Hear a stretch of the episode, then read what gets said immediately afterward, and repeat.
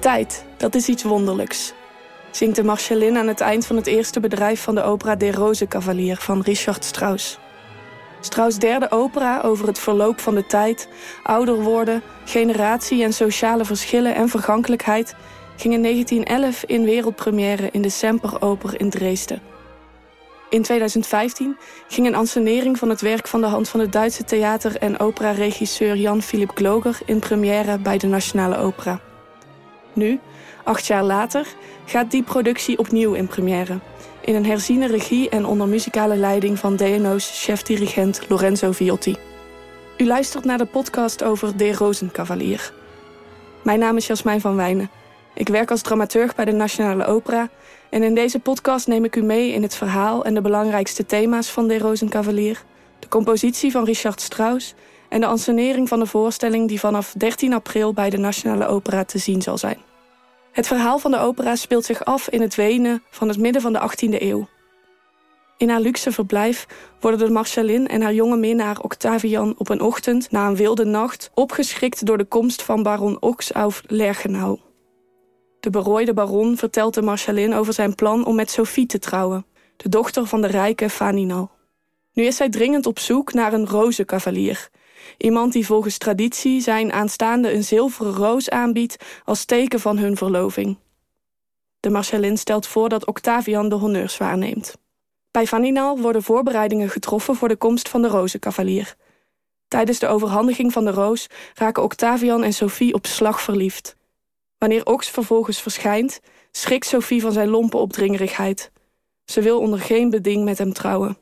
Octavian besluit Sophie te verlossen van baron Ox en lokt hem, verkleed als de dienstmeid Mariandel, in de val. De Marchalin beseft onmiddellijk dat Octavian en Sophie verliefd zijn en weet dat het moment van afscheid gekomen is. De twee jonge geliefden blijven achter en bekennen elkaar de liefde. Zo zijn ze nu eenmaal, de jonge lui, zingt Vaninal de Marchalin gekscherend toe aan het einde van de opera. De generatieverschillen tussen de oudere en de jongere generatie benadrukkend. De Marcellin heeft op dat moment net met weemoed afscheid genomen van Octavian als haar geliefde. Een lot dat de ouder wordende aan het begin van de opera haarzelf en haar vele malen jongere geliefde Octavian al voorspelde. Ik heb mij ernstig voorgenomen van hem te houden in de ware zin van het woord, zodat ik zelfs zijn liefde voor een ander nog lief heb. Maar ik had toch niet gedacht dat die plicht mij zo snel opgelegd zou worden, zingt de Marcellin op dit hartverscheurende moment. De tijd en vergankelijkheid zijn thema's die als rode draad door het libretto van Hugo van Hofmannsthal geweven zijn. Met Der Rozenkavalier markeerde Richard Strauss een eikpunt in de tijd, specifieker in zijn eigen carrière als componist. Hij had Salome en Elektra gecomponeerd in respectievelijk 1905 en 1909. En dat waren twee heel revolutionaire en avant-gardistische opera's. Maar met Der Rozenkavalier slaat Strauss juist een traditionelere weg in, hij kijkt met zijn compositie als het ware even achterom. Het leverde hem kritiek op van zijn avant-gardistische tijdsgenoten, die hem als conservatief zagen. Maar na het grote drama dat we in Salome en Elektra horen en zien, leek Strauss te verlangen naar wat lichter materiaal. Naar komedie, naar de lach, maar niet zonder de traan.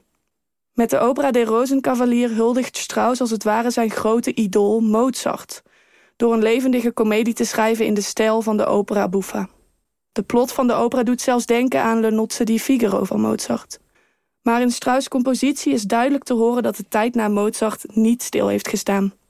Strauss blijft een kind van zijn tijd en dat hoor je in zijn compositie, vooral in de rijke en sensuele instrumentatie.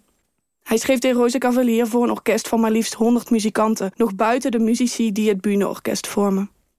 Een duidelijk kenmerk van Strauss' compositie is zijn veelvuldige gebruik van de wals. De componist was er meermaals op gewezen dat de wals als zodanig in het 18e-eeuwse Wenen, waarin hij zijn opera situeerde, nog helemaal niet bestond. Maar daar was Strauss niet van onder de indruk. Hij gebruikte de wals als een zogenoemde couleur lokaal, als symbool voor Wenen. Strauss had in eerdere opera's walsen gebruikt, maar nergens is dit dansritme zo fijn genuanceerd als in de partituur van De Roze Cavalier. Het gebruik van de wals varieert van de fijne, gratieuze wals in de ontbijtscène van het eerste bedrijf tot de krachtige lievelingswals van Ox in het tweede bedrijf. En daartussenin klinkt er een oneindige rijkdom aan walsklanken, vooral in het derde, maar ook al in het eerste bedrijf. Vaak is het walsritme ook tijdens de dialogen te horen, zonder dat het tot een uitgesproken dansmelodie komt. Zo is bijvoorbeeld de scène tussen Octavian en Sophie na de overhandiging van de roos helemaal op dit ritme gebouwd. En het is opvallend dat de Marchalin zich alleen maar in gezelschap in de wals laat meeslepen, terwijl het walsritme in haar grote scène aan het einde van het eerste bedrijf niet voorkomt. Lorenzo Viotti vertelde in een eerder interview over hoe hij denkt dat de behoefte van Strauss ontstond om na Salome en Elektra een Mozartiaanse opera te componeren. En hoe belangrijk de vertrouwensband was tussen samenwerkingspartners Richard Strauss en zijn librettist Hugo van Hofmannsthal. Een samenwerking vergelijkbaar met die van Mozart en Da Ponte. Hoe belangrijk die samenwerking was voor de totstandkoming van een overtuigend werk als Der Rosenkavalier. There are a lot of differences between the Richard Strauss from Elektra, the Richard Strauss from Salome, and finally the Richard Strauss from the Rosenkavalier. Something we really know is after he composed Elektra, he said, I want uh, to compose a kind of Mozart opera. Fortunately, like Da Ponte and Mozart, Richard Strauss had uh, Hofmannsthal. And before already the Rosenkavalier situation of the creation between the libretto and the music started, they were both convinced, and especially Hofmannsthal was convinced that he could compose a new Nozze di Figaro.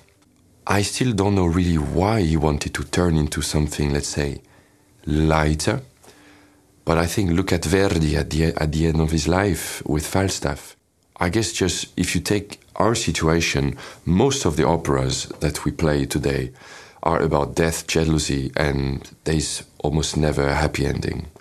Or you take operetta, but then it's, it's like considered like light music. I think it is so important sometimes to have inside a comedy something, of course, a very deep message, a mirror to the society, as we most of the time we have in, in theater. And I think probably at this time, you know, Electra, Salome are themes which are, let's say, more compact. Also, it's harsher in the style. It's more, almost more complex in the harmony. But I guess um, every composer after Mozart wanted maybe once to arrive to that level of simplicity and complexity at the same time, which is, yeah, Le nozze di Figaro, Così fan tutte. And, um, and I, th I think Strauss did it. It is one of the most extraordinary piece ever composed because there is one of the most extraordinary texts as well under it. And this, I think, helped a lot Strauss, and especially this relation between those two men when you read the letters right after um, the premiere of Elektra, I think it was in nine, uh, 1909 or something like that, when they started, there's so much trust and, and not only the composer just build the music how he wants, but sometimes Hofmannsthal could dare to say to the genius of Strauss, excuse me, but this I think is a little bit too complex. We should maybe make the music a little bit lighter, so the text, uh, like in the in the second act, uh, can can go maybe towards the public more than the music. So it is actually very rare to have such a trust between uh, um, between two artists, and we hear today the result, which is just pure genius.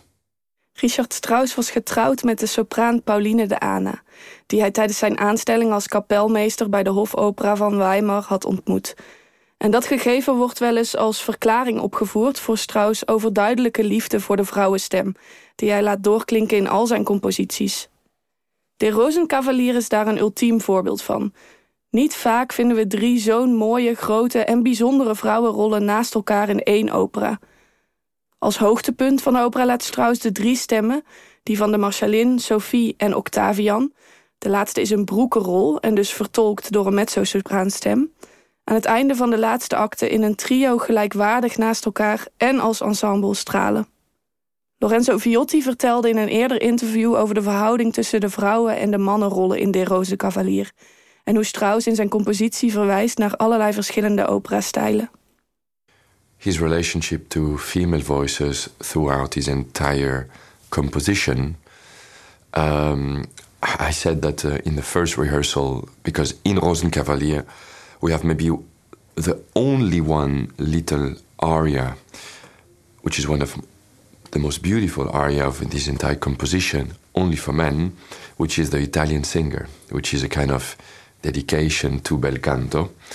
Uh, you have a lot of, not pastiche, I would say, but very, in Rosenkavalier, secret um, reverence to little different style Mozart, Verdi, French music, um, even um, Stravinsky sometimes.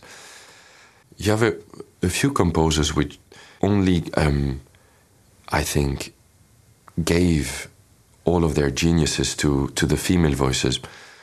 Yeah, definitely in Rosenkavalier, especially when you have Die Zeit, the, this little lullaby from Die Marschallin end of first act.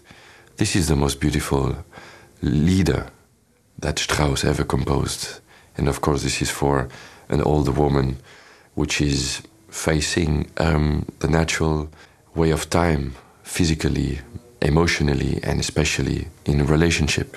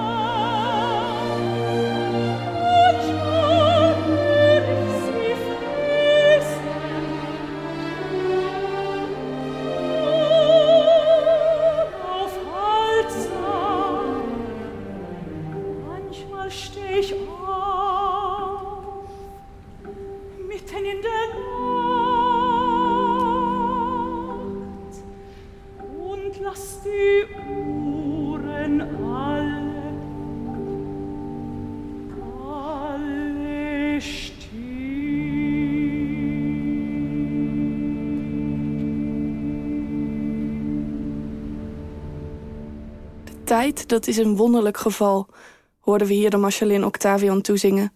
Als je zo voortleeft, is het niets en niemand al. Maar dan opeens, dan voel je niet dan tijd. Hij is om ons heen, hij is ook in ons binnen.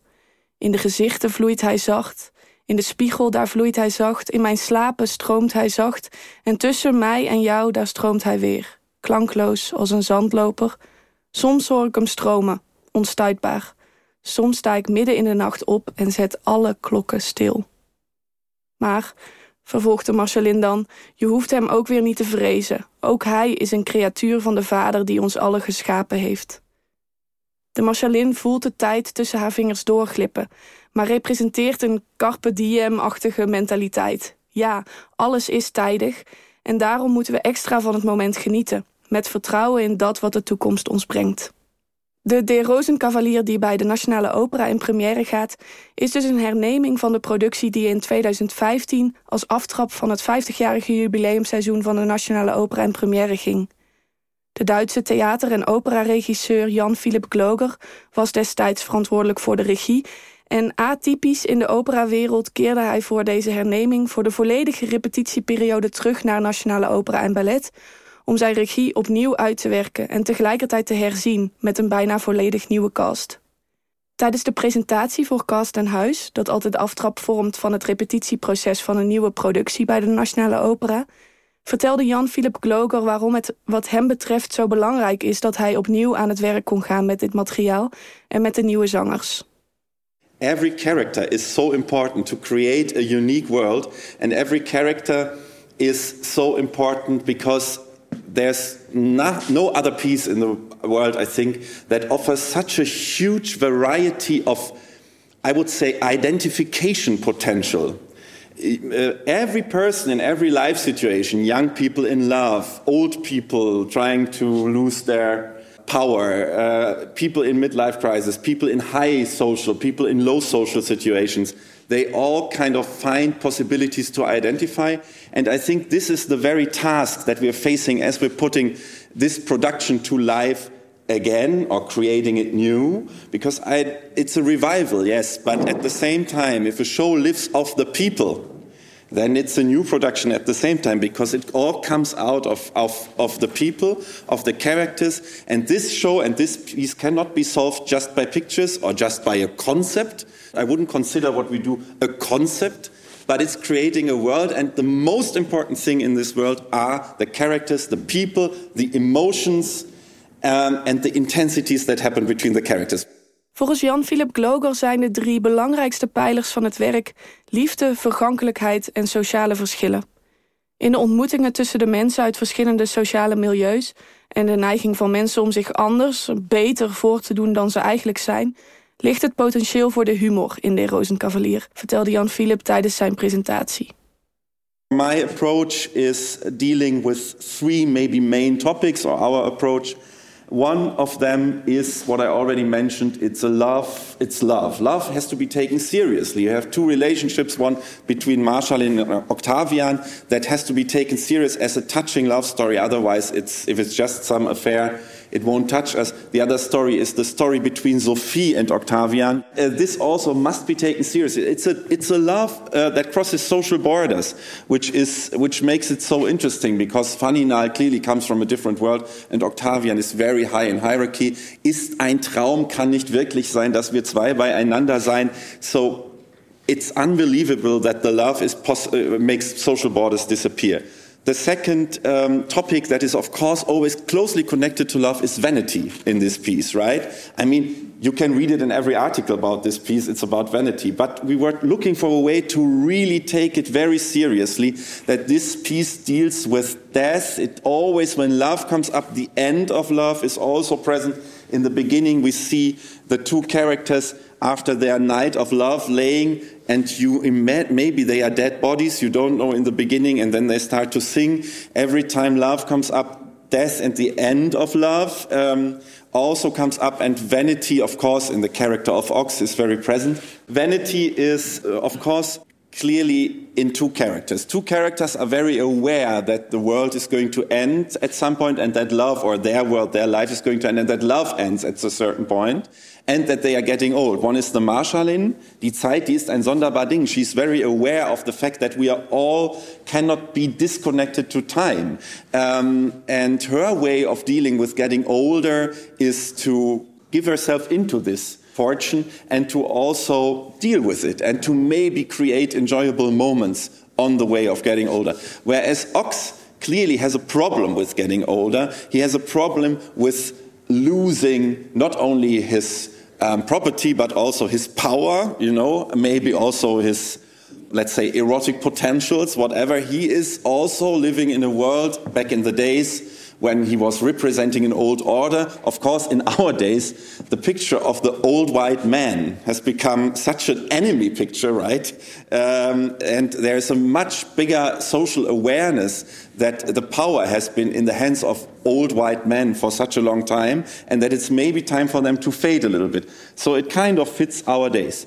We have an our day staging, not because uh, I think this is the only way to do it, but, but because we want the people, the audience, to identify, to not be able to push themselves away from the characters and say, okay, this is from another time, this is a different world, I have nothing to do with this. This story that we are telling could happen in our world today. So, love, vanity, and uh, the third topic that we're focusing on in our uh, approach is social differences, the, col the collapsing or the colliding of rich and poor.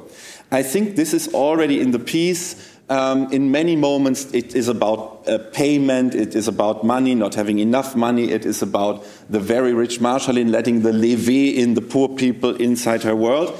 And uh, we have kind of focused on this topic because also I think along the social contrasts in this piece, we can make the comedy happen.